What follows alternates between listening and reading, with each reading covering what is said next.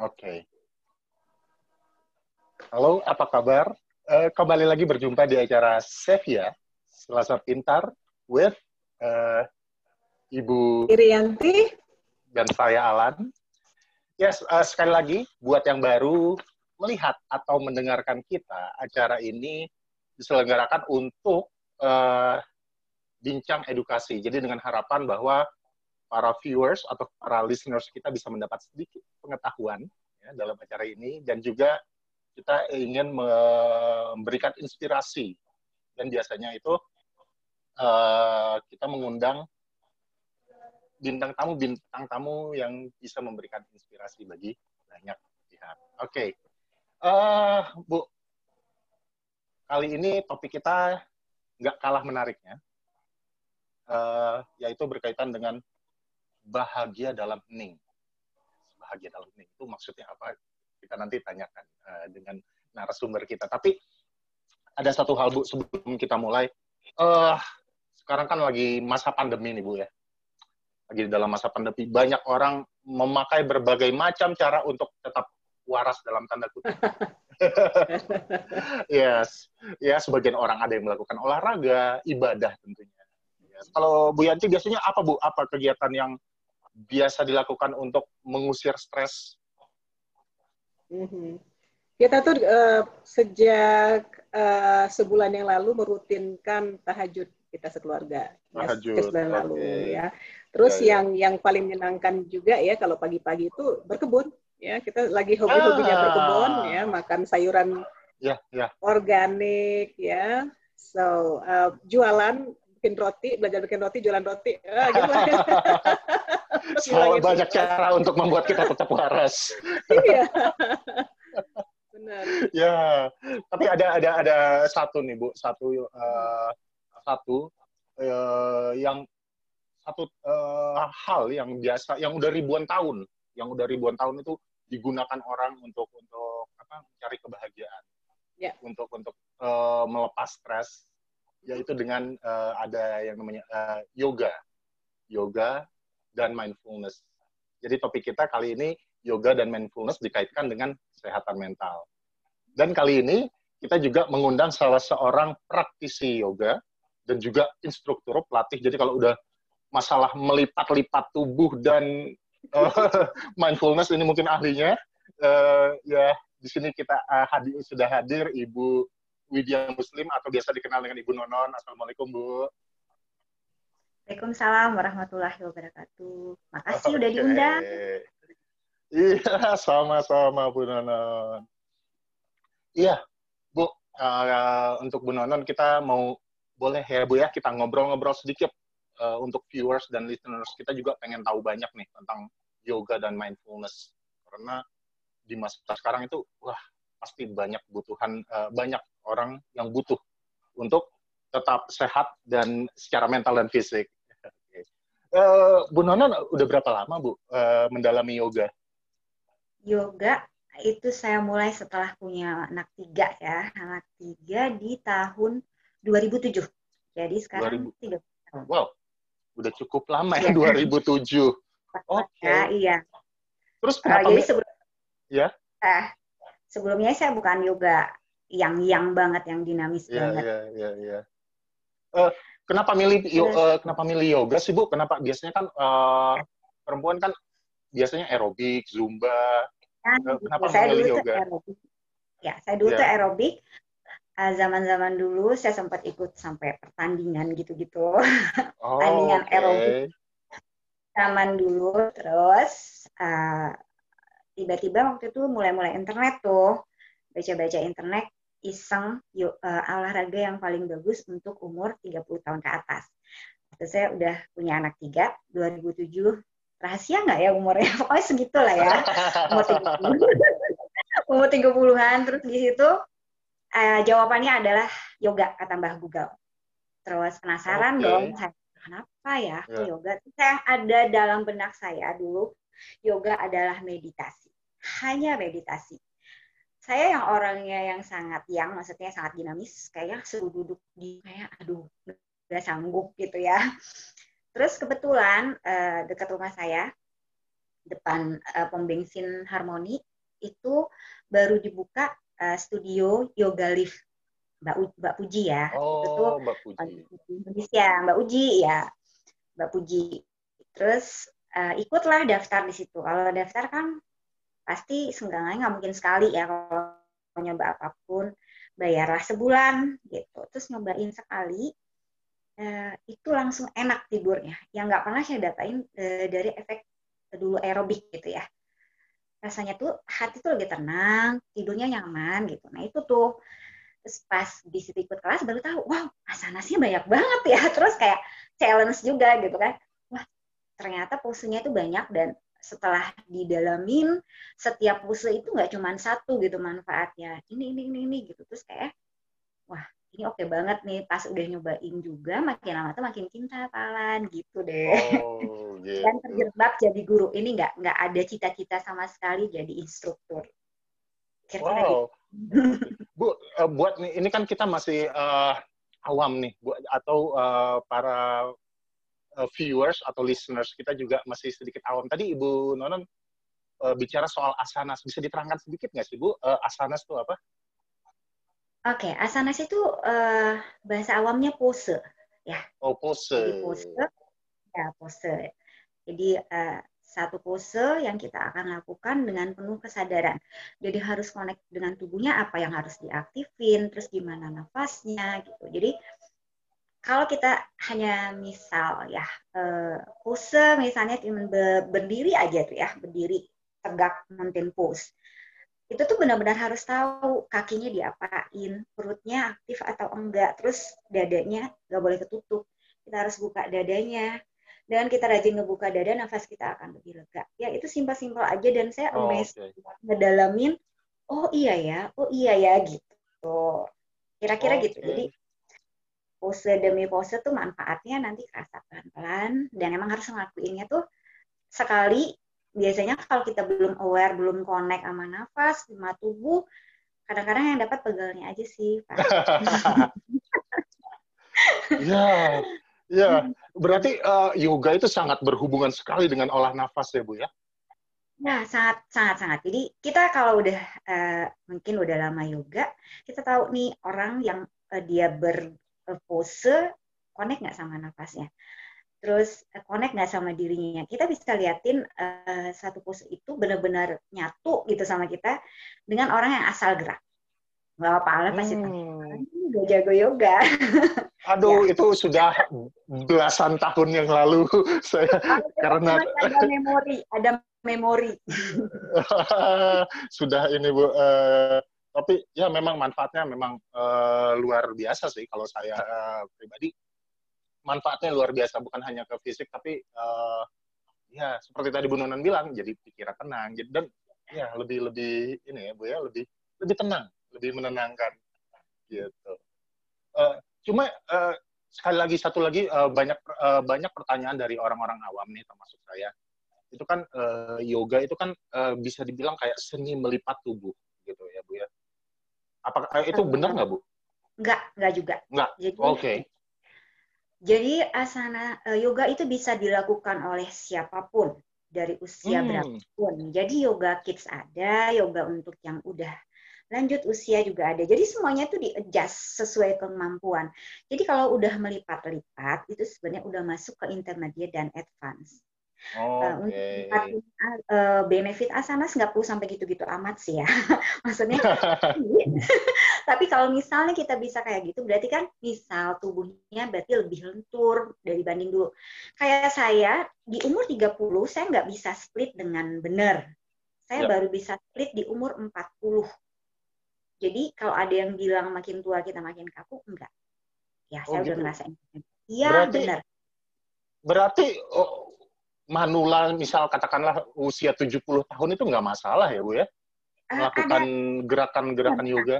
Salah. Jadi kadang yoga pun kita di atas uh, kursi, misal kayak twist mereka uh, nggak bisa dengan uh, lututnya tertekuk, lakukan aja di atas di atas kursi, tinggal twist badan. Itu udah dapat. Gitu. Hmm. Jadi uh, semakin tua yang penting tuh stretchingnya dapat dan emang semuanya kan dikasih level-level tertentu dengan kemampuan tubuh masing-masing. Tapi ada nggak Bu sih Bu uh, dalam kondisi tertentu misalnya, uh, Bu Nona kan tadi bilang semua orang dari uh, bahkan bayi juga ada Bu ya kalau nggak salah. Ada, bayi. ada. uh, Cuma ada nggak sih Bu uh, kondisi tertentu yang tidak memperbolehkan orang untuk melakukan gerakan-gerakan yoga? Hmm, ada. Jadi uh, misal tekanan darah tinggi, darah rendah, ada terus ada yang sakit, uh, misalnya uh, kejepit, saraf kejepit ya. di pinggang, itu ada pose-pose yang dihindari.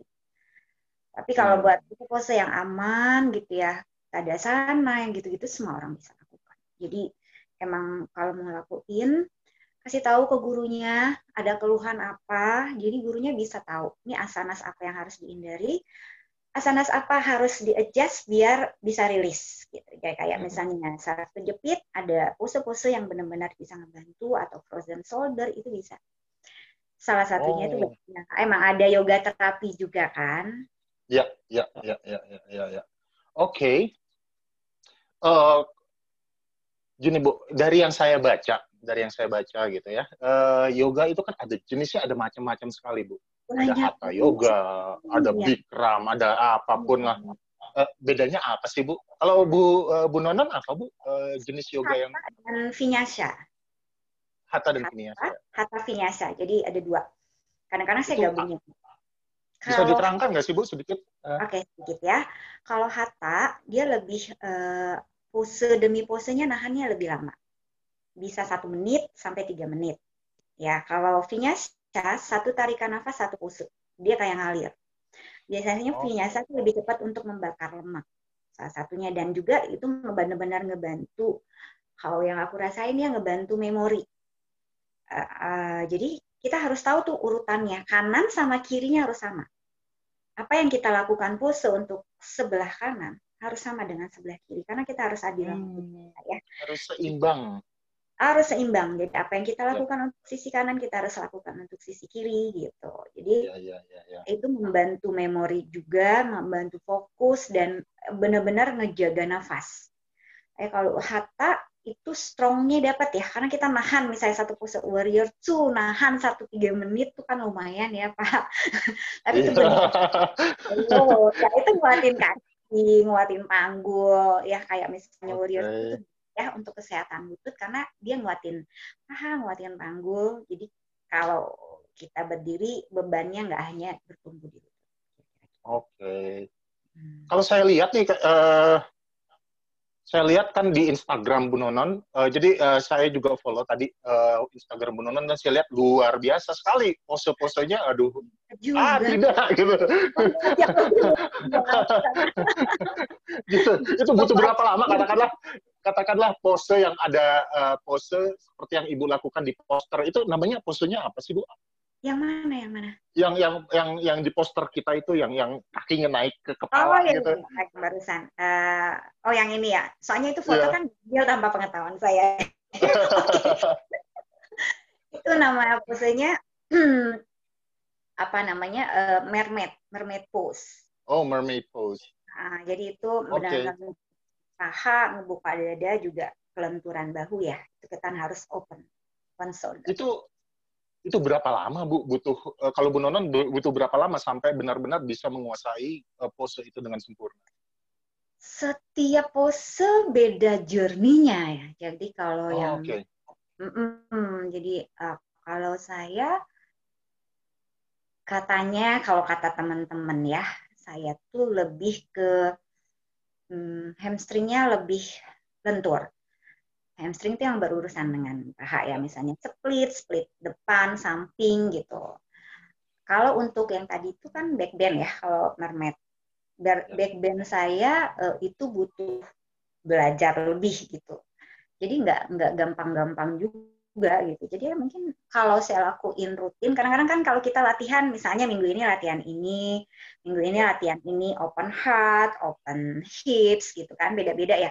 Tapi kalau kita lakuin rutin, biasanya tuh satu sampai tiga bulan dapat sih si posenya. Satu sampai tiga bulan. Ya. Wow. Tapi rutin ya, rutin ya. Oke. Okay. Jadi setiap pose itu dia punya fungsi-fungsi tertentu dan juga uh, apa untuk menguasai pose-pose atau asana itu butuh waktu yang butuh waktu memang ya Bu ya? ya butuh waktu. Kayak saya headstand saya dari nggak berani ngangkat kaki walaupun ada tembok, akhirnya saya bisa di setahunan ya. Bisa. Setahun. Ya, iya setahun. Karena dari benar-benar takut ngangkat kaki ke atas. Okay. Apalagi bawah. Ya, prosesnya beda-beda sih menurut saya setiap itu. Baik. Oke, okay, Bu Nona, uh, gini, uh, yoga itu kan dia uh, sangat dekat itu kaitannya dengan yoga, dengan meditasi atau mindfulness gitu ya, Bu ya. Itu kalau bisa dijelaskan, uh, apakah sebenarnya kaitannya bagaimana, Bu? Apakah harus gitu setiap kita melakukan yoga kita harus uh, setiap melakukan yoga kita harus melakukan kayak mindfulness atau apa bagaimana gitu? Sebenarnya kaitannya apa sih, Bu? Jadi biasanya kalau saya yoga, biasanya tuh minimal 60, tapi biasanya saya 60 tuh nggak nyampe. Saya harus minimal 90 menit. Uh, jadi diawali dengan centering, biasanya pranayama, sama itu fokus. Benar-benar kita connect dengan tubuh, sama nafas. Nah, di situ kita benar-benar ngumpulin uh, kesadaran sepenuhnya connect dengan tubuh. Di situ yang mindful ya, Pak. Ya. Nah, ini terakhir juga kita akhiri dengan sapasana itu juga mindful karena kita harus benar-benar berhenti berpikir kita benar-benar uh, connect juga dengan nafas kita perhatiin nafasnya nah di nafas yoga itu kan kita benar-benar harus concern belajar membuat nafas kita dalam saat kita inhale benar-benar dalam sampai perutnya tuh kok ngembang kadang-kadang kita nafas sampai hmm. dada ya orang-orang ya. biasa biasanya nafasnya cuma sampai dada. pernafasan dada ya nafasnya pendek gitu. Jadi yeah. Kenapa bisa connect ke mindful? Karena kita nafasnya dalam sampai perut, nanti buang nafasnya perlahan. Biasanya kalau kita tarik nafas empat hitungan nih misalnya, buang nafasnya kita 8 hitungan. Jadi dengan nafas yang dalam dan perlahan itu otomatis uh, si organ-organ dalam tubuh akan lebih rileks. Kebayang nggak Pak kalau kita nafasnya pendek, kita habis lari, ya, ya, ya itu kayaknya kan kita lebih stres ya. Bisa kebayang nggak? Terus kalau misalnya ada yang orang bilang, sabar, sabar, tapi nafasnya cuma sampai dada. Sabar. Gitu. Okay. Itu kan beda ya. Nah, itu yang langsung connect. Biasanya jadinya ya beberapa mungkin ilmu psikolog gitu. Yeah, yeah. Oke. Okay. kita harus uh, mungkin harus tarik nafas dulu yang dalam terus ngitung atau apa gitu ya jadi kalau kita ngambil keputusan nggak sembarangan, nggak dengan emosi gitu. Itu siang saya rasain. Jadi hmm, dulu saya uh, emosian, sekarang nggak tahu ya emosian nggak ya? Agak kali ya, tapi lumayan. Maksudnya jauh dibanding saya dulu gitu ya. Jadi okay. ngebantu sih, ngebantu banget. Sangat membantu ya. Jadi orangnya uh, begini. Jadi buat uh, apa? Uh, Bu Nonon ya memang apa pranayama ya biasanya Bu ya melakukan pranayama. dan satu lagi um, pranayama itu bisa dijelaskan dikit Bu apa mengumpulkan kesadaran. Jadi kayak semacam mindfulness dan apa duduk diam hening gitu ya. Ah, biasanya kita benar-benar berhenti berpikir ya kalau saya suka. Ngasih ini kan kita berhenti berpikir jangan mikirin nih mau masak apa, mau ketemu apa, mau bikin apa, ntar no way. Jadi kalau buat saya yoga itu adalah me time karena saya tuh nggak ada pembantu ya pak. Jadi curhat saya tuh nggak ada pembantu nggak ada supir. Semua saya tangani sendiri anak saya tiga. Jadi kalau saat saya yoga itu benar-benar saya mempersembahkannya buat diri saya sendiri. Karena buat saya saya harus sehat harus fit untuk ngurusin keluarga ya. Salah satunya itu kan ya. Jadi saya benar-benar ngumpulin okay, nggak mikirin mau uh, mau masak apa nanti, mau apa, pokoknya itu kumpulin nafasnya. Uh, perhatiannya hanya pada nafas. Jadi benar-benar rasain nafas itu benar-benar masuk ke dalam tubuh kita, nyampe ke dalam perut, nanti buang nafasnya juga dirasain. Nafasnya keluar, perutnya pelan-pelan mengempis, dadanya mengempis. Itu lama-lama tuh kayak kita bisa enjoy dan kadang-kadang dan kita wajib bersyukur kita masih bisa nafasnya nyaman gitu. Bayangin kalau orang harus pakai ventilator hmm. gitu gitu kan ya. Jadi uh, segitu kita bisa uh, bisa mendalami nikmatnya nafas tuh luar biasa sih Pak. Saya bilang. Jadi benar-benar penting membuka kelas dengan uh, pranayama dan kita mengakhirinya nanti dengan savasana. Dan savasana itu sangat-sangat sebenarnya mungkin Pak, Pak Alam pasti tahu deh. Savasana itu kayaknya cuma berbaring, tapi itu adalah hal yang tersulit menurut saya. Karena kadang-kadang kita nggak mau berhenti berpikir, Pak. Benar ya? ya. Jadi uh, buat buat viewers, ya buat viewers dan listeners yang yang uh, mungkin baru uh, mendengar kata savasana. Jadi savasana itu semacam uh, metode relaksasi ya Bu ya? Ya, relaksasi biasanya Berbaring, dalam ya. latihan itu adalah penutup penutup uh, latihan dengan savasana. Hmm. Jadi biasanya uh, yoga itu sama kayak filosofi kehidupan sebenarnya benar ya kayak kalian. Wow, Jadi semuanya perjalanan nanti semuanya akan diakhiri dengan kematian. Karena savasana itu adalah pose mati. Pose mati ya. Posenya berbaring aja gitu ya, Bu ya? ya benar-benar berbaring, tidak ada otot yang bekerja di situ. Kita kayak kayak meleleh, surrender sepenuhnya, kayak ikhlas gitu. Jadi uh, kayak benar-benar satu perjalanan hidup. Dan uh, bagaimana kita berlaku di atas matras itu sebenarnya uh, mencerminkan gimana kita sehari-hari. Ada orang yang terburu-buru, ada yang ambisi, ada yang egonya tinggi. Itu kelihatan dari latihan. Oh, bener, beneran Bu ya? Really. Jadi wow, uh, oke. Okay. As, ya misalnya kalau lebih enak lagi kalau misalnya muridnya privat ya. Jadi itu benar-benar ketuntun. Jadi dari murid yang benar-benar terburu-buru apa-apa, terus lama-lama tuh dia bisa jadi lebih slow. Itu kayaknya nikmat ya kalau jadi guru ngeliatin kayak gitu. jadi wow. lebih santai, lebih ini.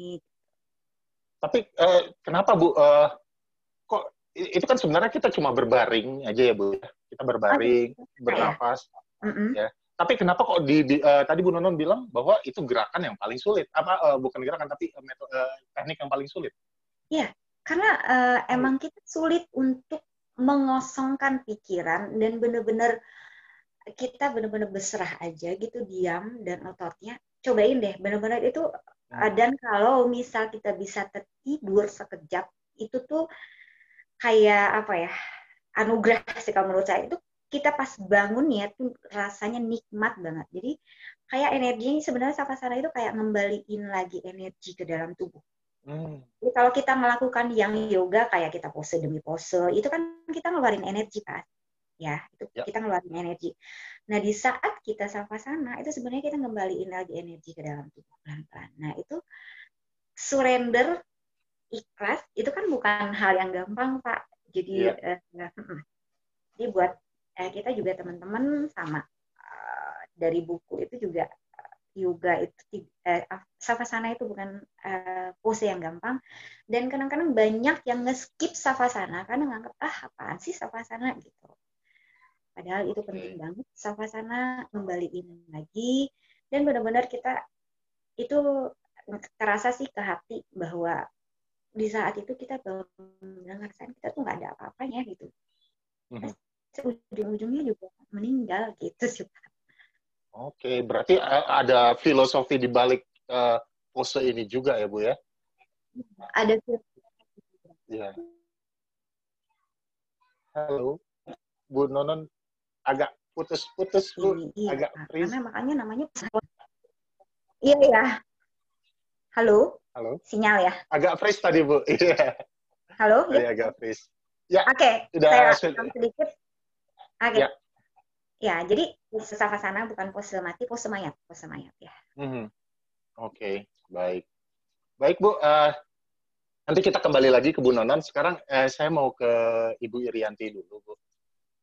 Yes, uh, Ibu Irianti. Jadi uh, tadi kita sudah mendengar penjelasan uh, dari Bu Nonon uh, ya langsung yoga. pengen yoga gue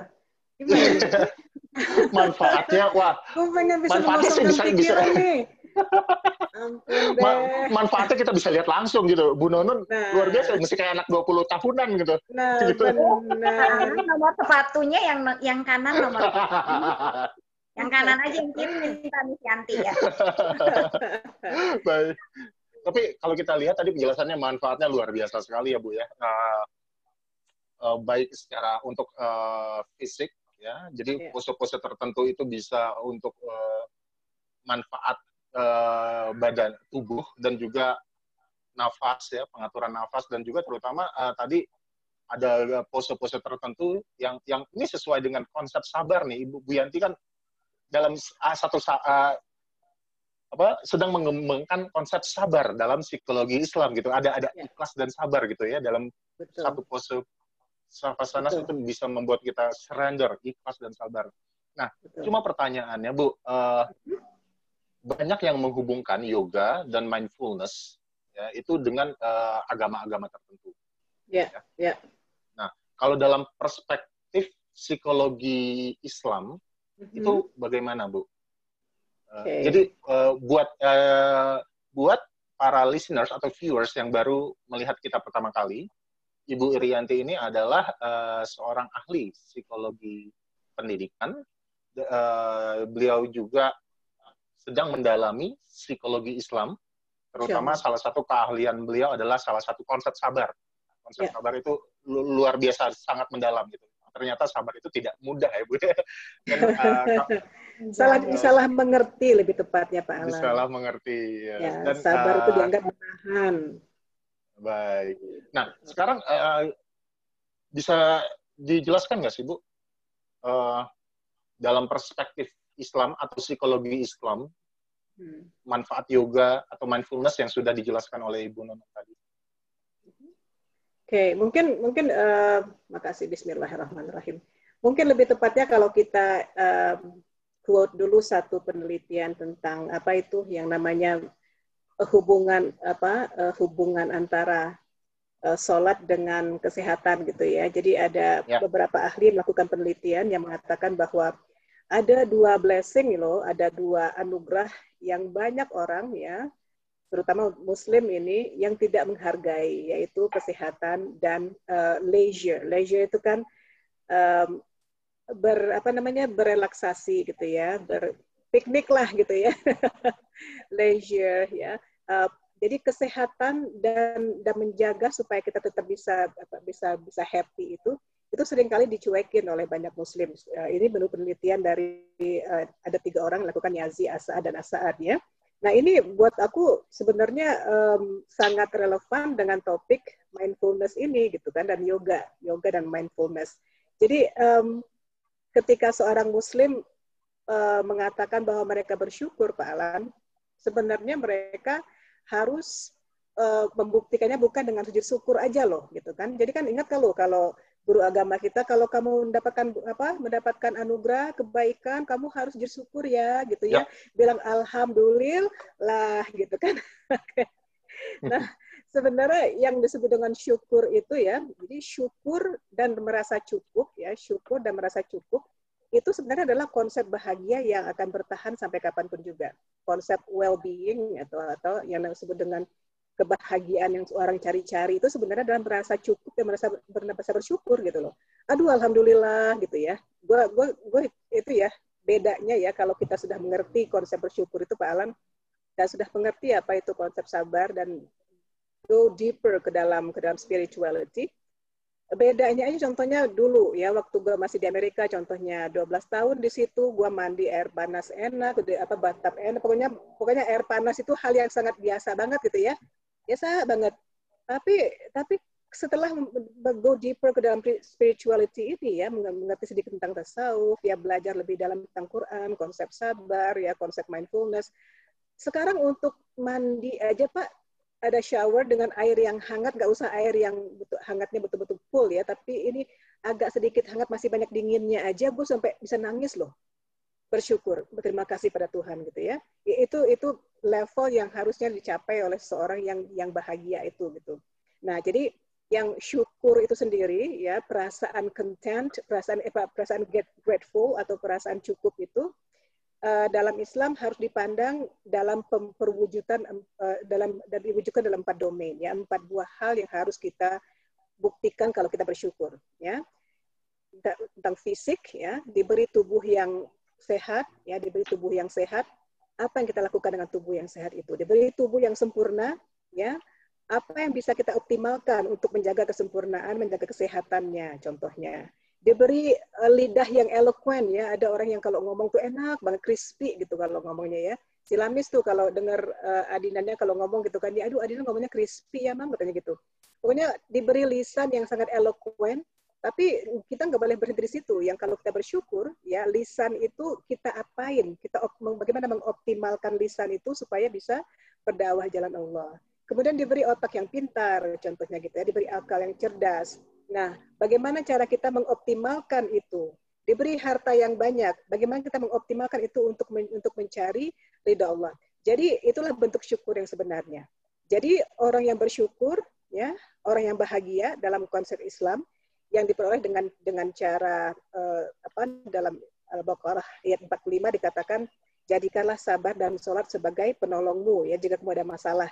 Nah itu sholat dan sabar itu nanti akan berhubungan banget dengan mindfulness tadi itu ya jadi orang yang yang berhasil bersabar dan sholat dengan benar, ya berhasil mencapai level mindfulness yang tinggi itu, maka fisiknya, lisannya, akalnya dan hartanya betul-betul ya dioptima, dioptimalkan untuk ya nggak cuma untuk dirinya sendiri, untuk kebaikan dirinya, tapi juga untuk kebaikan orang banyak untuk mencari ridha Allah.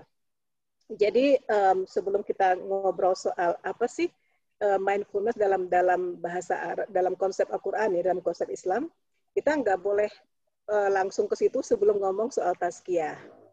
Taskiah itu gini loh, um, ada tiga hal di situ disebut dengan taskiah.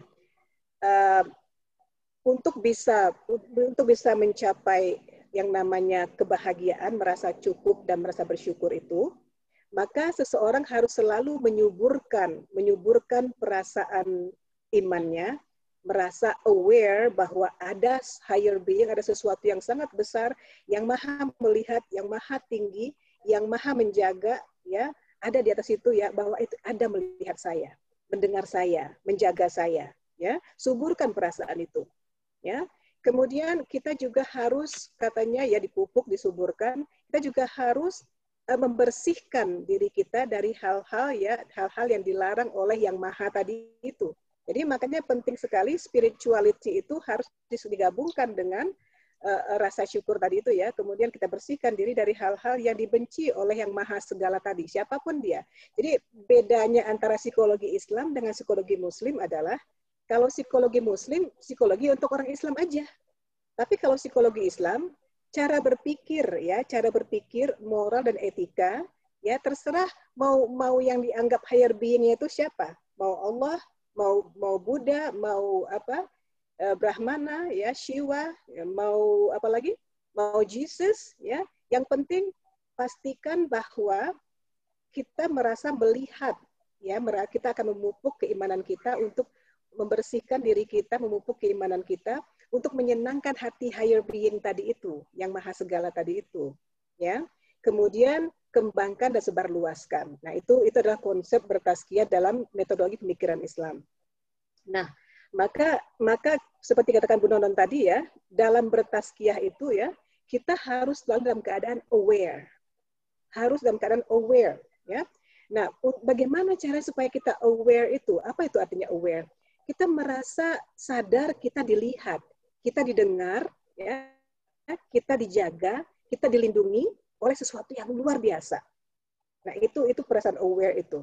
Sehingga konsekuensinya kita menjaga supaya sikap kita, perbuatan kita, pikiran kita ya, betul-betul memastikan cocok dengan keinginan yang maha segala tadi itu. Nah, jadi sebelum kita berbuat apa pun juga, sering ulang-ulang gitu ya di setiap apa sesi, sebelum memutuskan sesuatu, sebelum melakukan sesuatu, konsultasi dulu dengan lima yang pertama, apakah yang maha segala atau yang higher being setuju?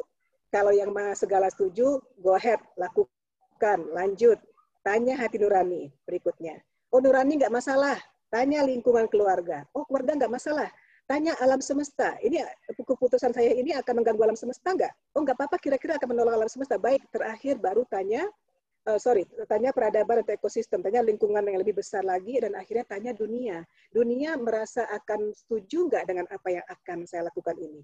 Jadi kita dalam keadaan selalu cautious, dalam keadaan selalu was-was, eh, kira-kira Tuhan setuju nggak ya kalau gue lakukan ini? Eh kira-kira Nurani setuju nggak ya? Nah, itu selalu dan begitu. Nah, inilah jadi dalam dalam dalam konsep uh, agama Buddha ya awal dari yang namanya yoga tadi itu ya mindfulness, meditasi dan yoga itu yang namanya mindfulness disebut dengan sati ya. Sati itu berasal dari bahasa Pali yang maksudnya tujuan sati itu adalah untuk mencapai calmness, mencapai ketenangan, mencapai acceptance, bersyukur, ya, penerimaan dan bisa menjadi kind ya, mencapai kindness, mencapai ke compassion, kasih sayang, ya. Kenapa orang jadi kalem? Karena dia merasa ada yang melihat, mendengar, menjaga, dan melindunginya. Kenapa orang jadi acceptance, bersyukur? Karena dengan tahu ada yang menjaga, saya jadi bersyukur. Nah, dengan bersyukur itu, maka saya akan menjadi lebih baik kepada orang lain, karena saya ingin menyenangkan hati yang melindungi saya. Nah, itu dia maksud dari uh, sati atau mindfulness tadi itu. Itu dalam dalam pandangan uh, Buddha ya. Nah, sedangkan dalam Islam, dalam Islam eh, yang namanya eh, isi Al-Qur'an itu ya nggak jauh-jauh dari tiga hal. Lu lu bongkar deh Quran, lu bongkar Quran kiri, kanan, atas, bawah. Akhirnya lu akan sampai ke satu kesimpulan deh, ya, bahwa Quran itu is all about balance. Ya, Bu Nona ngomong soal balance, balance, balance dong gitu ya. Balance. Ada waktunya kita untuk keluarga, ada waktunya kita untuk diri sendiri ada waktunya kita mengambil, ada waktunya kita memberi gitu ya. Dan ada balance, adil dalam bahasa Arabnya. Ada patience, kesabaran atau sabar ya, sabar dalam bahasa Arabnya. Ada marhamah atau love. Nah, itu tadi mirip banget dengan konsep sati tadi itu ya. Calmness, acceptance, kindness. Nah, itulah jadi uh, ada gue sempat dengar aduh gue nggak gue nggak tahu ini valid apa enggak ya cuman gue pernah dengar gitu ya kalau nggak salah ada yang mengatakan bahwa dari sejak ketika di, dirunut sejarahnya di, di, di, diprediksikan bahwa Buddha apa Siddhartha Buddha Gautama sebenarnya adalah apa salah satu dari nabi gue nggak tahu ini cuman gue nggak nggak pasti nih sorry ya yeah. nah karena kan ada ribu ngomong soal uh, mindfulness ya. Okay. ya pak ya pak Enggak, lanjut Bu, lanjut. Sorry. Ada apa? Enggak, eh, silakan lanjut, dilanjut. Sorry, Pak Alan? Ya, eh, silakan okay, dil dilanjutkan Bu. Ya. ya, sorry. Nah, sekarang apa dong main? Ya, siap, siap. Jadi sekarang apa dong namanya mindfulness dalam dalam Islam gitu ya? Jadi dalam bahasa Arab yang paling cocok terminologinya untuk mindfulness itu adalah muraqabah ya. Muraqabah itu artinya watching ya melihat dengan apa watching closely melihat dengan sungguh-sungguh observing memperhatikan paying attention attentively betul-betul memfokuskan fokus konsentrasi ya. Jadi kalau lu lihat di al-baqarah eh sorry, surat al-mulk ya berulang-ulang itu ayat-ayat mengatakan look again look again adakah dari ciptaanku yang nggak seimbang ya? Adakah yang nggak seimbang? Look look look. Nah itu betul-betul uh, dengan orang yang orang yang suka observing paying attention attentively watching itu adalah orang-orang yang yang bisa mencapai nanti level uh, apa uh, apa yang disebut dengan level calmness acceptance dan kindness itu nanti ya. Jadi uh, muraqabah itu sebenarnya kalau mau kita kita jadikan dalam bahasa uh, Islami ya. Uh, sejenis ihsan ya seperti kata Bu Nonon tadi kan ikhlas ya. Tapi ikhlas itu ya ikhlas itu adalah di bawah sedikit bawah dari ihsan. Ikhlas itu betul-betul pasrah ya. Ikhlas membiarkan pasrah ya tenang tenang kalem mengalir. Tapi kalau ihsan kita tuh dalam berpikir berbuat dan merasa dalam ber, dalam berpikir bahkan dalam bernafas ya seperti nafas yang sampai ke perut itu ya bisa bisa tidur dengan tenang tanpa berpikir apa-apa itu betul-betul sudah sampai kepada ikhlas ya. Nah sekarang bagaimana dengan ihsan? Ihsan itu memiliki adalah aspek aspek yang sangat penting dalam muraqabah ini atau mindfulness dalam konsep Islam ya. Bahwa bahwa kita tahu bahwa yang higher being itu ada. Dan kita juga tahu bahwa dalam jiwa kita ini ada potensi fujur atau potensi apa bisa berbuat salah seperti setan gitu ya. Kita punya potensi itu ya karena semua manusia di, di, dilimpahi fujur dan takwa ya sifat potensi baik potensi buruk ya dan kita harus sadar itu dalam bentuk mindfulness itu kita akan sadar bahwa ada Allah itu ya ada Tuhan itu yang maha higher itu kemudian kita tahu juga bahwa ada musuh Tuhan yang bernama iblis itu. Ya. Kemudian kita tahu bahwa kita punya potensi loh seperti iblis itu. Kemudian kita tahu bahwa semua tindakan harus dilakukan karena Allah. Nah, ketik inilah yang disebut dengan aspek-aspek dari muraqabah atau aspek mindfulness yang pada akhirnya uh, dimanifestasikan dalam bentuk beberapa uh, apa dalam bentuk beberapa gerakan seperti gerakan sholat ya seperti berzikir membacakan asmaul husna ya jadi kalau sholat itu kalau kalau Bu Nonon bisa verifikasi kali ya. Mirip banget loh gerakan-gerakan yoga itu dengan gerakan sholat. Ya nggak Bu Nonon? Banyak sekali kemiripannya. Ya. Uh, jadi ya itu, itu yang itu yang heran banget gitu kan waktu gua ke waktu gua ada micro teaching dulu di Amerika ya bagaimana mengajar adult jadi salah seorang teman itu uh, mengajarkan yoga gitu kan nah terus pas gua pas dia lihat gua sholat sholat zuhur waktu itu itu temen nanyain kamu lagi yoga katanya gitu enggak saya segi sholat tadi itu gitu kan. Ya ih gila ya katanya. Aku mirip banget katanya gitu. Nah ingat ya tadi kita ngobrol soal kemungkinan Buddha salah seorang nabi ya. Kemudian kita ngobrol soal betapa miripnya gerakan-gerakan apa eh, gerakan-gerakan yoga dengan uh, apa uh, manifestasi dari cara mencapai mindfulness uh, dalam Islam gitu ya. Mirip sekali. Nah tapi yang membedakan mungkin ya kalau yoga dilakukan uh, dilakukan anytime gitu, tapi kalau kalau sholat ada waktu-waktunya, ya kalau sholat ada waktu-waktunya.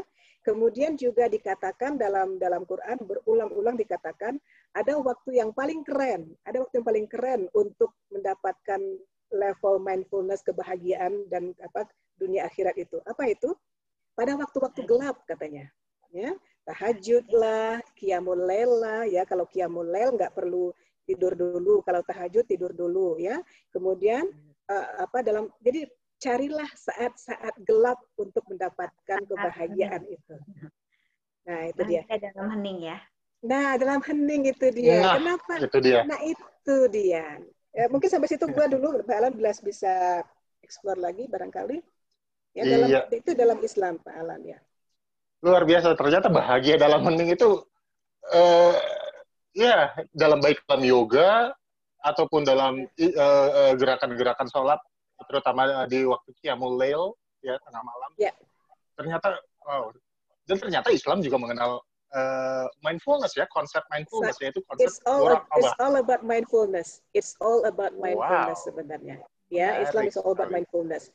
Ya makanya ada yang disebut dengan tumak nina dalam melakukan gerakan sholat itu uh, bacaan-bacaannya ini, ini keren banget. Gue baca disertasi seorang dokter ya, seorang dokter uh, disertasinya ngomong soal uh, the apa the miracle of apa sol apa gerakan sholat katanya gitu kan ya. Dia cerita bahwa setiap bacaan sholat itu kalau dibaca dalam ritme tertentu, dalam dengan pelan-pelan, dengan sepenuh hati, dengan ihsan ya. Nah itu ada bagian-bagian tertentu dari otak kita yang yang di trigger itu. Ya, hmm. kalau ini untuk uh, saraf yang ini, kalau waktu gerakan ini untuk syaraf yang ini. Makanya itu maka gue bilang ya yoga itu kok ya kayak sholat sebenarnya gitu kan. Iya, nah, luar biasa. It, itu dia, tapi bedanya kita pakai zikir kan, pakai bacaannya, ya, ya, ya, ya. bacaan-bacaannya. Jadi kalau lu mau pengen yoga plus ya, yoga islami, sambil gerakan yoga lu zikir aja gila. Coba aja zikir gitu kan. Ya, ya, ya, ya, ya, ya. Dalam hati ya. aja. Dalam hati. Hmm. Baik. Wow, menarik banget nih. Jadi ya konsep murokobah dan mindfulness itu sangat uh, berkaitan ya, Bu. Uh, sangat dekat ya konsepnya. Yes. Islam ternyata yes. mengenal konsep mindfulness juga untuk kesehatan uh, yeah. mental. Baik. Baik, uh, saya mau kembali ke Bu Nonon lagi nih, Bu. Ya. Yeah. Uh, Bu Nonon, uh, Bu Nonon kan juga sebagai iya. instruktur, ya. uh, sebagai instruktur gitu. Uh, ada nggak bisa cerita sedikit nggak Bu pengalaman-pengalaman uh, menarik selama mengajar atau selama ya uh, mendalami yoga ini Bu? Oke, selama ngajar ya? Iya iya. Ngajar atau selama selama saya yoga? Eh, selama selama mengajar gitu, ada bisa share nggak pengalaman misalnya? Uh, uh, karena kan pengalaman tadi kan yoga, uh, ini kali ya. Uh, manfaat Tadi, uh, pose apa latihan mungkin ke yang kerasa ya, sama ya. muridnya mungkin ya. Ya. Oke, okay. uh, eh, banyak. Oke, okay. uh, eh, ada murid saya itu dia privat sendiri. Nah, dia udah bertahun-tahun uh, rutin mengkonsumsi obat sakit kepala. Jadi dia kalau nggak sakit kepalanya migrain, kalau lagi parah-parahnya ya vertigo. Nah, jadi uh, itu gue banget coba, gue banget itu. jadi karena karena emang uh, privat one one on one, jadi uh, dan dia melakukan tiga kali seminggu, benar-benar rutin. Dan di bulan kedua dia ya sebelum uh, itu kan saya tanya ya keluhannya apa, terus terus setiap uh, latihan saya kasih tahu ini buat ini ini ini ini buat sakit kepalanya. Ada beberapa pulse dan ada pernapasan dan dia lakukan itu. Jadi enggak kalau misalnya nggak enak kepalanya lakuin ini dulu jangan minum obatnya. Terus udah di bulan mau ketiga bulan kita privat akhirnya dia benar-benar bisa lepas obatnya. Jadi hanya lakukan itu lalu aku lagi ini nih aku cobain ah, uh, syukurnya 15 menit kemudian itu udah hilang. Hanya melakukan itu ya minum air putih lakukan asanas dan pernafasan pranayamanya itu sembuh. Dan ada lagi juga yang ini murid studio Nah, gimana twist itu juga sangat bermanfaat. Jadi dia tuh udah kayak perutnya kembung segala macam, udah lakuin twist-twist juga waktu itu dia udah lama juga ikut saya. Tapi kenapa ya masih nggak enak perutnya kayak harus ke dokter deh nih. Itu sebelum mulai kelas ya waktu itu sebelum mulai kelas. Oh, Oke, okay, ya udah yuk kita yoga, saya dia bilang. Nah, saya kasih uh, gerakan twist yang benar-benar dalam. Jadi twist tuh uh, kalau yang simpas-simpas biasanya kenanya ke sistem pencernaan. Kalau misalnya lebih dalam lagi dia dapat dua organ, organ pencernaan dan organ reproduksi. Nah setelah dalam gitu, terus amazing juga sih saya pas itu tuh pas dia udah selesai twist yang dalam itu dia langsung bilang, aku kan dipanggilnya Uni, uh, Uni langsung enak ya badannya dia gitu. Udah nih nggak ada keluhan lagi di perutnya, masya Allah sih Terus pas udah besok uh, udah tuh dia pulang kayaknya nggak jadi ke dokter nih dia bilang gitu. pas besoknya saya nanya lah gitu ya gimana jadi ke dokter? Udah udah udah udah sehat. Dan gitu alhamdulillah sembuh. Ya amazing ya itu atas izin Allah. Amazing. Hmm, nah ya. mes saya juga mes jadi banyak. Terus ada juga waktu itu teman saya eh, jadi ini saya dipaksa ngajar waktu itu. Saya belum sertifikasi tapi teman-teman dekat ini maksa saya untuk ngajar Nah, di saat mau privat dia uh, bilang, "Non, kenapa ya ini kakiku sakit?" Dia bilang, "Jalannya jinjit." Terus aku udah, udah uh, oke, okay, Bismillah deh, uh, kita cobain gerakannya ya. Aku udah inilah siapin gerakannya gitu. Terus, hmm, apa pak? Kita tuh latihannya ke lantai tiga. Dia dengan tertati-tati kaki kanannya sakit, udah lah tuh ya. Iya ya udah lah Bismillah. Itu MS-nya lagi Palan Yanti. Ya. itu di 15 menit tiba-tiba dia teriak non tadi kakiku yang sakit sebelah kanan apa kiri ya? Dia bilang kanan aku bilang. Terus dia nangis dong non sembuh. Dia bilang gitu. Jadi alhamdulillah itu benar-benar. Dan emang udah habis itu besoknya juga aman-aman aja. Padahal udah mau ke dokter juga gitu karena nggak bisa jalan sama sekali wow ya itu Uh, luar ya, biasa. Luar biasa itu beberapa ini yang ya yang sama kadang-kadang ada yang nge-DM, non perut saya kembung lah, pusingnya apa ya gitu. Oke yang gini gini gini aja terus udah gitu dia latihan. Nah oh iya ya makasih gitu. Jadi uh, ya sharing-sharing kayak gitu tuh kayak bahagia banget juga sih bisa manfaat gitu. Kadang-kadang kalau belum dibuktikan kan kadang kata ya gitu gitu kan tapi yeah. ngerasain terus kayak yang anti aging percaya nggak percaya gitu kan ya. Jadi eh, emang eh, kalau anti aging biasanya tuh semua gerakan yang kepalanya dibawa ke bawah itu tuh benar-benar bermanfaat untuk anti aging satu. Dan yang paling penting lagi itu meningkatkan imunitas tubuh kita. Jadi buat sekarang hmm. ini lagi masa pandemi sering-sering aja kepalanya dibawa ke bawah ya Oke. Okay. Suruh bersujud itu. Benar bisa kasih. Ya. ya. Kalau di Islam itu kan ya sujud ya. Iya iya. Nah kalau kalau di yoga salah satunya yang paling gampang itu benar-benar kayak ngelipat tubuh aja ke bawah kayak utanasana mungkin tahu ya. Jadi ya. kita berdiri tinggal dilipat kayak tubuhnya. biarin aja kepalanya menggelantung. Jadi nanti oksigen darah sampai ke puncak kepala nah itu yang bikin uh, awet muda, bikin imunitasnya bisa naik. Oke. Okay. Oh, Bu, Bu Nonon, bisa ya. kasih ini nggak Bu, uh, satu gerakan yang bisa menyembuhkan, ini kayak, kayak misalnya tadi Bu, Bu Nonon bilang pranayama juga uh, punya banyak manfaat. Oke, okay, oke. Okay. Bisa diajarin nggak sedikit aja Bu buat uh, listeners dan viewers, mungkin listeners kita nggak bisa melihat ya, tapi uh, mungkin viewers kita uh, ya. Oke, okay, Bismillah saya coba. Gimana, ya, ya, semoga bisa bisa, bisa saya, kita, saya juga saya juga ikut mempraktekkan kalau boleh. Yep, Bismillah, semoga manfaat dan bisa paham apa yang saya ucapin. Oke, okay? jadi kita duduk aja pranayama dan kalau duduk yoga itu boleh dulu kalau buat pemula simpan kedua tangannya di bawah panggul. Nah nanti bawah, bawah panggul, panggul. ya di bawah panggul. Nanti kerasa ada tulang yang keras dua. Tahu ya? Rasa nggak? Ya, ya, ya, ya, ya, ya, ya, ya. ya. Nah itu adalah tulang duduk. Lepasin lagi tangannya. Nah, rasain benar-benar tulang duduknya benar-benar kita press ke atas. Jadi kadang-kadang kalau kita kalau udah pegel atau gimana lagi malas-malasan kan biasanya nyender ya. Gini ya. Benar. Itu kita, berarti kita duduknya di mana? Di tulang ekor, bukan di tulang, di tulang ekor. Yes, tulang ekor dirancang bukan untuk didudukin. Makanya namanya bukan tulang duduk. Jadi ini tulang duduk. Terus rasain dari tulang duduk sampai puncak kepalanya tuh dalam keadaan lurus. Jadi kita benar-benar harus tetap. Jadi jangan bungkuk, jangan juga nonggeng, ya benar-benar lurus. Jadi benar-benar harus diperhatiin ini uh, pose duduknya dulu. Jadi kalau kita pose duduknya nggak benar, kadang nanti benefitnya nggak dapat karena dengan posisinya karena benar-benar kita tegak, itu kayak energinya benar-benar jalannya enak. Ya kalau kita ketekuk, biasa nggak e, semuanya tuh jalannya jadi kurang lancar oke okay? posisi posisi ya. duduknya posisi duduknya sila biasa aja bu nyaman aja sila biasa aja kalau misalnya nggak enak ada ada keluhan di lutut nggak apa-apa duduk dia di atas eh, duduk di kursi aja nggak masalah hmm. tapi badannya tegak oke okay? tangannya simpan aja yang satu yang kirinya di lutut lalu tangan kanannya jari tunjuk dan jari tengah ya jadi yang lainnya kayak gini, tunjuk tengah-tengahnya.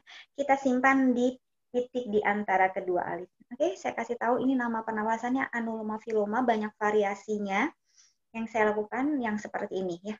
Macam-macam variasinya, tapi hampir sama sih sebenarnya si ininya, konsepnya ya. Kita akan menarik nafas misalnya nanti dari hidung kiri, yang kanannya kita tutup nanti ya. Saya kasih lihat dulu ya sebelum tangannya di Nanti tarik nafasnya dari kiri.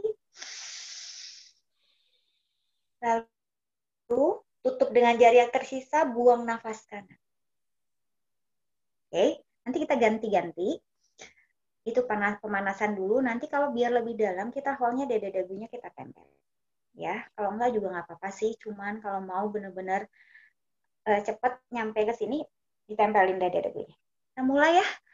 Kita ya. mulai mungkin pemanasannya di di dua satu set aja ya kiri kanan itu satu ya. set.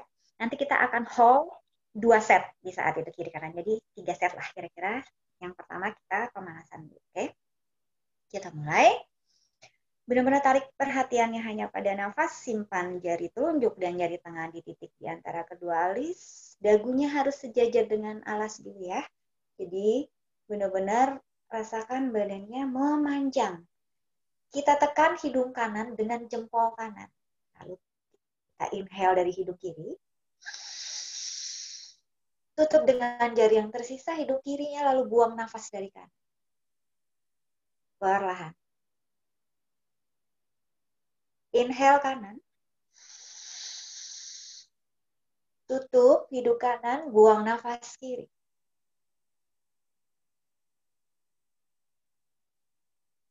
Inhale kiri. Tutup, kita hold, lalu kita dekatkan dada dagu, tahan. Tarik perhatiannya ke titik di antara kedua alis. Lalu perlahan angkat dagu, buang nafas kanan. Inhale kanan. Tutup, tahan, dada dagu dekatkan, jaga tulang punggung tetap aja, fokus. Perlahan, angkat lagi dagunya, buang nafas kiri. Inhale kiri.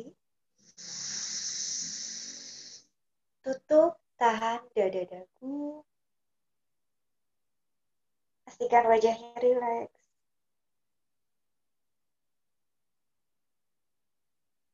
Perlahan angkat dagu. Buang.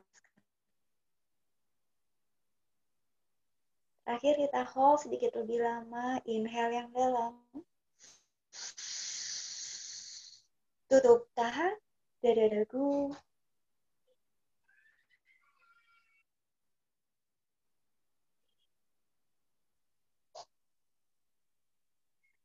Slowly angkat. Buang nafas kiri perlahan. Oke. Kira-kira gitu Pak Alan. Bisa lakuin. Nanti bisa lakuin uh, agak lebih lama. Gue langsung awet muda, Non. Oh my God, mau dong. Jadi bisa lakuin lebih banyak set. Bisa lakuin 1 sampai 3 menit kira-kira gitu. Semoga manfaat ya. wow. Semoga membantu. Luar biasa. Wah, terima kasih banyak Bu Nonon atas uh, ngobrol-ngobrolnya dan uh, informasinya. Ya, yes, kapan-kapan mungkin kita bisa uh, latihan yoga gitu ya, uh, secara virtual. Oke. Okay. Yoga bareng. Oke, okay, oke. Okay. Boleh gabung saya ada kok. Ada free setiap Jumat saya lakukan free nah. pakai Zoom. Oh, baik. Tapi cukup. Nanti boleh di-share, Bu? Boleh di-share? Uh, misalnya ada viewers yang atau listeners kita yang ingin bergabung setiap Jumat, uh, boleh di-share mungkin? Setiap Jumat? Uh, mm. saya, uh, atau uh, mungkin follow, follow Instagram. Follow Instagram saya aja, Nonon Widya. Nanti lihat, biasanya suka saya share kadang-kadang oh, jam 9, kadang-kadang jam 8. Gimana saya oh, ada urusannya. Kayak hari Jumat saya selalu kasih free. Wow. Boleh gabung okay. aja pakai Zoom. Baik. Iya. Siapa aja bisa gabung ya, Bu ya? Kecuali cowok. Biasanya saya suka ah, Oke. Okay. Eh, kecuali baik, cowok, baik. ya Allah. ya. Ah, iya. Tapi nggak apa-apa. Paling udah nggak okay. perlu bisa sendiri. Aja, aduh masih jauh, masih pemula, masih pemula. Suka merendah, harus, emang harus sambal kayak. Aduh. Nggak terus sama. Baik, eh, sebelum ini uh, Bu ada uh, Bu uh, untuk Ibu Irianti mungkin ada penutup Bu, uh, ada yang ingin disampaikan Bu berhubungan dengan topik kita Bu? Ya, Ya paling uh, yang harus kita tekankan barangkali ya kita mesti apa aware banget dengan dengan tiga komponen yang nggak boleh lepas dari kehidupan untuk bisa mencapai apa mencapai tujuan dari sholat lah, meditasi lah, yoga lah ya kita harus menyeimbangkan antara aspek spiritual, aspek hakikat kita sebagai manusia dan aspek psikososial atau interaksi kita dengan lingkungan dan manusia lain atau alam ya. Ini harus selalu ada. Kemudian yang yang paling apa yang paling penting aku mau katakan kalau kita mau melakukan uh, yang namanya zikir, mau tahajud, uh, sorry mau mau sholat ya mau sholat, yang paling keren itu ya sebenarnya adalah di saat sesu, di saat uh, suat dua gelombang ya dua gelombang penting di otak kita bekerja yaitu di apa pada saat gelombang alfa dan theta bekerja. Apa sih gelombang alfa dan theta ya semua orang juga sudah tahu barangkali orang yang dealing dengan mindfulness ya meditasi hipnosis ya mereka tahu tuh alfa dan theta itu adalah saat ya di mana otak kita betul-betul bekerja untuk mengumpulkan semua informasi apa saja yang diperoleh dari panca indera kita di saat terang di saat terang oke? Jadi yang paling keren itu sebenarnya adalah menunggu sampai alfa dan theta ini muncul. Nah, apa pemicu alfa dan theta muncul? Kalau gelap, ya kalau gelap. Ya kalau gelap makanya kan nggak kan lu sering lihat gitu ya orang kalau meditasi mata ditutup gitu ya. Kalau dia hipnosis tutup matanya itu ya. Itu sebenarnya untuk merangsang hormon melatonin untuk muncul hormon mengantuk atau hormon yang akan merangsang gelombang alfa dan theta itu namanya menipu alfa dan theta untuk muncul gitu ya. Kita bisa kita aja sholat siang hari nggak apa-apa gitu kan ya. Tapi kita usahakan kita tutup kata Bu Nonon tadi. Apa kita kosongkan semuanya. Seolah-olah kita nggak kita dalam diri kita dan otak kita itu pernapasan harus paksakan gelombang alfa dan theta muncul yaitu gelombang yang muncul pada saat kita tertidur atau pada saat gelap ya hampir tertidur dan pada saat gelap. Pada saat sangat mengantuk ketika melatonin hormon ngantuk sudah sangat tinggi itu ya. Kita sudah mulai sangat rileks itu sudah sangat rileks mau udah aduh udah kriep kriep gitu ya Nah, itu adalah saat yang paling tepat untuk mempraktekkan yang namanya sholat, berzikir, gitu ya. Nah, it, itu bisa membawa kita ke ke apa? ke state trance gitu ya, stage uh, hampir hampir ke hipnosis itu sehingga mencapai mencapai bawah sadar kita. Jadi pada saat theta itu muncul, mereka akan langsung mengkolek ya asosia eh, mereka akan kumpulkan semua informasi di association part of the brain. Jadi bagian dari otak kita yang mengasosiasikan semuanya. Nah, begitu semua diasosiasikan, ya, dia akan bikin algoritma baru. Dia bikin hal-hal yang nggak kepikiran gitu, ide-ide kreatif gitu kan ya, solusi. Jadi apa pun input yang kita masukkan dari indera, ya, kalau dia sudah mencapai bawah sadar dan disengajakan input itu masuk untuk mencari solusi, berdoa, ya kayak berdoa terus berbunyi gitu kan ya. Ya Allah, tolong bukannya dalam hati aja tuh kurang-kurang efektif ya. Sebaiknya berdoa itu dibunyikan supaya ada input dari telinga, ada input dari apa eh, kulit kita mengangkat tangan begini ya. Kemudian ada input dari mata yang yang mencoba membayangkan gitu ya. Melihat tangan kita begini humble. Nah perasaan itu akan muncul perasaan bahwa Tuhan melihat perasaan bahwa bahwa apa Tuhan menjaga Tuhan akan melindungi Tuhan mendengar ya. Itu akan akan sangat baik munculnya pada saat alfa dan theta tinggi ya. Makanya Tuhan mengatakan di hampir banyak sekali surat-suratnya tuh yang bisa kita lihat di Al-Baqarah ayat 45 gitu. Carilah carilah uh, kebaikan itu ya apa kebaikan itu di di apa di uh, waktu-waktu uh, malam ya di, di waktu sepertiga malam terakhir. Ya Al Isra juga ada dikatakan ya pada sebagian malam. Kenapa malam-malam malam ya? Itu Nabi Muhammad nggak ngerti kenapa kenapa harus malam. Dia ngerti juga sebenarnya. Dia kan cuma obey aja ya Cuman setelah diteliti oleh research bahwa ternyata memang waktu yang paling tepat untuk bermeditasi, untuk mendapatkan mencapai bawah sadar adalah dengan menunggu sampai melatonin naik yang merilekskan kita dan akhirnya membuat kita hampir dalam keadaan tertidur. Itu saat paling bagus, paling ngantuk itu dan gelap saat paling bagus untuk mencapai bawah sadar dan mencari kreativitas, mencari ide. Itu itu yang paling bisa aku katakan ya. Jadi mindfulness, yoga ya, adalah manifestasi dari usaha kita untuk mencapai bahagia itu tadi ya. Nah, bahagia itu hanya kita dapatkan dengan cara-cara yang benar ya, mengoptimalkan yoganya yoga yang benar, sholatnya dengan cara yang benar, zikirnya dengan cara yang benar, di waktu yang benar gitu kali ya. Cuman itu paling Pak Alan, Bu Nonon. Thank you so much loh. Hai. Banget hari ini gue pengen yoga lagi perasaan. Oke. Okay. Yes, baik. Kalau begitu, uh, terima kasih untuk Ibu Irianti dan uh, Ibu Nonon.